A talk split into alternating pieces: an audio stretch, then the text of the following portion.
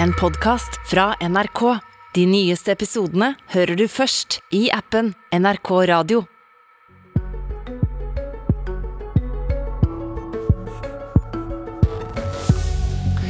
Blei nasjonalidretten vår brukt til å blidgjøre kineserne etter Nobelfeiden? Ble idretten i så fall statens verktøy, utnytta til politisk propaganda? Eller var det et uproblematisk samarbeid som bevega verden litt i fredeligere retning? Det skal kommentatoren, den tidligere idrettslederen og politikeren diskutere. For Solberg-regjeringa signerte i 2017 en avtale mellom Det norske kulturdepartementet og Kinas statlige idrettsadministrasjon om at norsk idrett skulle hjelpe Kina fram mot OL i Beijing. Utvelging og trening av kinesiske utøvere gikk inn i denne avtalen.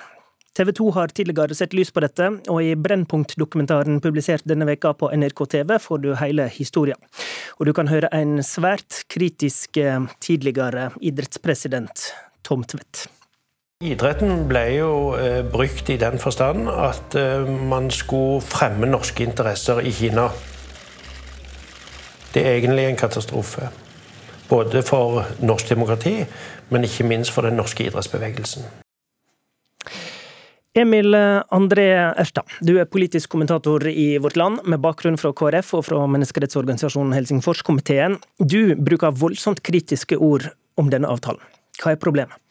Problemet er at vi ser en, en, veldig veldig sterk sammenblanding mellom politikk og idrett i forbindelse med Kina-OL. Og, og, det ser ut som at norsk idrettsbevegelse har blitt brukt til å legitimere eh, det kinesiske kommunistregimet. For dette det er ingen tvil om at OL i Beijing er et stort propagandaseier for eh, Xi-regimet i, i Beijing og at de bruker OL helt, helt kynisk og bevisst til å legge et røykteppe over grove grove menneskerettighetsovergrep i Xinjiang-provinsen, mot Hongkong, Tibet, journalister og opposisjonelle. Hvem er sitt ansvar er det, da? Er det norsk idrett, eller er det den daværende regjeringa til Erna Solberg? Når en hører Tom Tvedt som uttaler seg på vegne av norsk idrett, så, så, høres det ut som at det er en selvkritisk idrettsbevegelse. Og det, og det, er jo i så fall positivt, men det er ingen tvil om at politikerne brukte idretten på en måte som jeg mener er helt uakseptabel, og, og som gjør at at idretten blir brukt i propaganda, en propagandakrig for det kinesiske regimet. Mm. De relevante statsrådene i den førre regjeringa har takka nei til å stille i Politisk kvarter. Høyre ville heller ikke stille med noen andre, og det ville for så vidt heller ikke nåværende kulturminister. Men eh, Erna Solberg har gitt en kommentar til NRK etter at dokumentaren ble publisert, og hun avviser at idretten ble brukt. Regjeringen har aldri eh, inngått en forpliktelse overfor Kina mellom, mellom altså Det er jo idretten som har inngått denne avtalen. Og denne avtalen ble jo, denne avtalen ble jo eh, initiert av et idrettsstyremedlem som jo regjeringen Altså, vi hadde aldri noen behandling av en sånn, sånn sak i vår regjering i det hele tatt. Og det idrettsstyremedlemmet hun viste til her, det er Gerhard Heiberg. God morgen, Inge Andersen. God morgen. Du var generalsekretær i Idrettsforbundet fram til 2017. Ble idretten brukt? Altså, jeg tror vi må skille mellom to ting her. fordi at uh, i 2017 så var OL allerede tildelt til Kina. Det ble jo tildelt syv år tidligere. Så når det idretten samarbeidet med daværende politiske regjering og myndigheter, som var egentlig et sånn felles mål for hele Norge å få til å åpne opp forholdet mellom Norge og Kina, så trengte Kina norsk kompetanse til å utvikle sin idrett frem til OL i Beijing. Og gjennom det så har jo idretten og enkeltpersoner fra Norge hjulpet Kina i denne perioden. Men jeg vil, jeg vil ikke si at man har vært med å sportsvaske det kinesiske regimet gjennom det. Jeg har tro på dialog, jeg har tro på kommunikasjon, jeg har tro på at mennesker møter hverandre. Og det var definitivt, og mange år etter fredsprisutdelingen i 2010, så var det definitivt et mål for Norge å opprette diplomatiske forbindelser med, med Kina igjen. Og, så, og, så det var, og, og, det er helt riktig, idrettsstyremedlem Gerhard Heiberg sa jo i Brennpunkt-programmet at han var en aktiv del i det, sammen med daværende utenriksminister Børge Brende. Ja, vi, nettopp. nettopp. Så det var et felles initiativ, dette da? Mellom staten og idretten? Jeg skal være, jeg skal være forsiktig med hvor hvem som startet det. Gerhard Heiberg har i hvert fall vært meget sentral i det. Det har han òg vært tydelig på.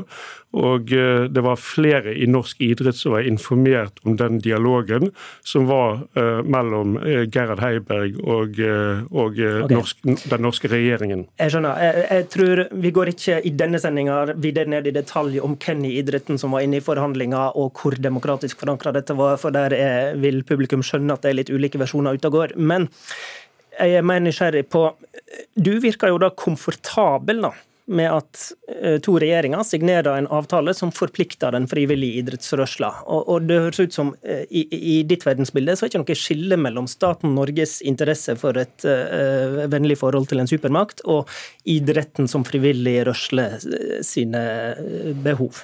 Altså, Idretten er Norges største samfunnsaktør. Den har 2,2 millioner mennesker som medlemmer i Norge. Og idretten er ikke en øy som som svever ute i, ute i Norskehavet et eller annet sted for seg sjøl. Idretten er en integrert del av eh, det norske samfunnet. Og eh, idretten har vært poli... Den, altså, idretten er jo en del av det store politiske bildet. og Norsk idrett tok et standpunkt i 1980 når man boikottet eh, Moskva-OL pga. invasjonen i Afghanistan. I dag 42 år etter så kommer Taliban til Norge, og man, det virker som det ikke har beveget seg en millimeter siden 1980, da Russland hadde invadert Afghanistan. Ok, Jeg tror ikke vi tar hele Afghanistan-historien, men eh, Ersta, hva ser du av problemer her da som Andersen eh, ikke ser? Altså, Den frie norske idrettsbevegelsen er jo en stolt eh, tradisjonsbærer i det norske samfunnet, og, og det, det, organiserer veldig mange igjen. Eh, og har, uh, har, en helt annen oppbygning når vi ser hvordan den blir brukt i Norge, enn det idretten blir brukt til i Kina. Altså, I den dokumentaren får vi jo se hvordan vinteridrett i, nesten ikke eksisterer konkurrere eh, i Kina i en del idrettsgrener, f.eks. i langrenn. Eh, og så har Norge da gått inn på ordre fra kommunistregimet, toppene i kommunistregimet, for, for å eh, avle fram langrennsløpere som aldri har sett eh, verken staver eller ski. Eh, og, og, og da, da, må vi begynne å stille spørsmål hva er det egentlig vi holder på med her. Er det her, et, er det her propaganda? Er det her for å sikre at eh, kommunistregimet får et vellykka vinter-OL på heimebane? Og hva er det det bidrar til? Bidrar det til å legge eh, lokk på situasjonen i Xinjiang, i Hongkong, i Tibet? Og, og okay. ja. Andersen, hva sier du til disse dilemmaene? Det er definitivt dilemmaer i, i, i dette. Jeg, eh, jeg ser, ser, fullt og helt det bildet Emil Erstad er, og jeg er, ikke, jeg er definitivt ikke noe forsvarer av eh, disse autoritære, diktatoriske regimene. Men jeg har gjennom et langt liv i idretten grunnleggende tro på kommunikasjon, dialog, tilstedeværelse, eh, og at idretten var, at idretten var en del av å åpne opp det diplomatiske samarbeidet mellom mm. Norge og Kina, det tror jeg norsk idrett skal være vel så mye mer stolt av. Som, det, er ingen, det er ingen grunn å skamme seg for det. Har, eh, I norsk idrett er verdensledende. Og hvis, det, hvis det kompetanse innenfor norsk idrett kan deles rundt omkring i verden, og jeg har reist masse rundt i verden de siste årene og snakket om den norske idrettsmodellen, så må jo det er jo ingenting som er bedre enn det at flere og flere land kan faktisk ta del i, i den demokratibevegelsen og den kompetansen som finnes i norsk idrett. Grunde Almeland, du er leder i kulturkomiteen på Stortinget. Du representerer Venstre. Det har som nevnt ikke vært kø av politikere inne i studio på denne saka, men eh, takk for at du stiller. Slik du ser det, da, ble idretten brukt som statlig virkemiddel? Altså, Det er jo lett nå når man uh, står på andre siden av dette og ser tilbake på, på hvordan dette har utspilt seg, så er det jo i hvert fall lett å si uh, at det er virker og framstår veldig uryddig, måten dette, dette ble gjort for. Og er det to ganske klare lærdommer vi må ta med oss, mener jeg, så er det at man skal være veldig bevisst på visse, eh, hvilke premisser slike avtaler inngås på, og i hvilken sammenheng de inngås i. Eh, fordi det fine som har blitt nevnt her i debatten, er at i Norge så har vi en autonom idrett. Vi har en statlig idrettspolitikk, men vi har ikke en statlig idrettsbevegelse. Og det vil si at Vi finansierer jo idretten først og fremst fordi at vi mener det har en verdi i seg selv, ikke fordi vi skal oppnå andre politiske mål. Og Da mener jeg at lærdommen herfra bør være at vi skal være veldig bevisst på i hvilken, hvilken, hvilke sammenhenger man eh, også politisk legger til rette for uh, slike avtaler. Fordi mm. det skal ikke kunne slås tvil om premissene de går inn på. Ok, Andersen, Du tenker det er ikke noe problem om idretten iallfall som et delmål, da, blir brukt til et politisk mål? Nei, altså som jeg sier, Vi snakker om den norske modellen i politikken, og man snakker om den norske idrettsmodellen i idretten. og den er, funda, den er, fundamentert på akkurat de samme demokratiske verdiene. Som jeg sier, Norsk idrett er en del av det norske samfunnet. Og så vil jeg si en ting. Men, jo, men Sprer vi den til Kina, eller kan smitten kanskje her være det motsatte, som Erstad er inne på? At vi legitimerer et annet statssystem? Det er, dilemma, det er et dilemma, men jeg har eh, tro på så sagt, kommunikasjon, dialog. Og så vil jeg presisere.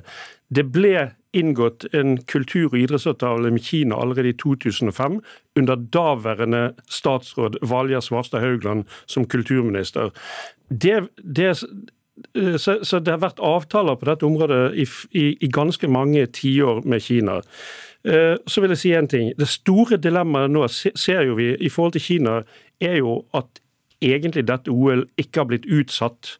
Altså det, det at du har en prestisje hos IOC og Kina til å gjennomføre OL midt i denne pandemien, det ja. er jo særdeles betenkelig. Det er en litt annen debatt. Men Almeland, til slutt. Når eh, Du var inne på eh, at vi har en statlig idrettspolitikk, men ikke en statlig idrett. Når eh, blir det forholdet for nært og problematisk, da? Altså Det er jo dersom eh, man kan si, eller så slå tvil om hvilke premisser man inngår f.eks. slike avtaler på.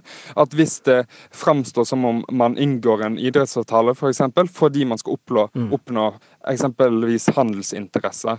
Så jeg mener jo at det vi må ta med oss her, er å se på hvilke konsekvenser bør denne lærdommen ha på kort og lang sikt. Og på kort sikt mener jeg at vi bør ta en stilling til diplomatisk boikott av OL, som, eh, som, vi har fullt mulighet nå. Jeg sammen med Venstre har foreslått i Stortinget okay. eh, nettopp dette, og det har alle stortingsrepresentanter nå mulighet til å ta personlig stilling til. Takk til Grunde Almeland, Inge Andersen og Emil André Erstad. Abonner på Politisk kvarter som podkast, og få sendinga rett til din mobil. Om det finnes friske langrennsløpere igjen, så kjemper de om første medalje lørdag 5. februar. Samtidig har Arbeiderpartiet representantskapsmøte i Viken. Der blir partiets Viken-standpunkt bestemt, og i realiteten blir nok fylkets framtid avgjort. Ap i Buskerud og Østfold går for oppløsning. I gamle Akershus gikk derimot fylkesstyret inn for å holde på Viken. Nå er delegatfordelinga til dette møtet klar. 51 av delegatene på dette Ap-møtet kommer fra nettopp Akershus, 49 fra Buskerud og Østfold. Og Da blir det flertall for å bevare Viken hvis Akershus-delegatene følger styret sin mening, men det gjør nok ikke alle. Anne Grete Tømte, du er leder i Arbeiderpartiet i Nes kommune på Romerike. Hva vil ditt lokallag i Nes at du stemmer 5.2? De vil at jeg stemmer for en oppløsning av Viken. Hvorfor er ikke dine egne der eh, på Nes, eh, i Nes eh, enig med Akershus-styret? Nei, vi har hatt medlemsmøter og styremøter og har vurdert dette ut ifra både administrativ rapport og tatt en helhetsvurdering på hva vi får ut ifra Viken, og om vi mener at Viken er en bra konstruksjon. Og da har flertallet landa på at vi, et stort flertall landa på at vi går for en oppløsning. Mm. Så det er jo spørsmålet hva stemmer du da på møtet 55 februar? Slik lokallaget vil, eller slik fylkesstyret vil? Slik lokallaget vil. Har du vært i tvil om det? Nei. Det har jeg ikke. Hvorfor ikke? For det har jo vært en diskusjon om eh, mandater skulle være bundet på dette møtet, ut fra fylkesstyrets innstilling.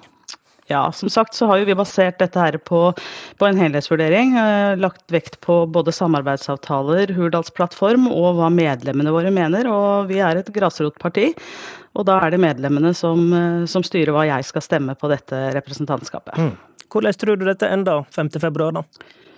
Jeg håper jo at det blir en oppløsning av Viken, sånn at den konstruksjonen med mange mennesker over lange veier er, eh, blir borte. Så jeg har tro på at det blir en oppløsning av Viken. Det blir nok litt telling fram til 5. februar. Takk for at du var med, Anne Grete Tømte. Dette var Politisk kvarter ved Håvard Grønli.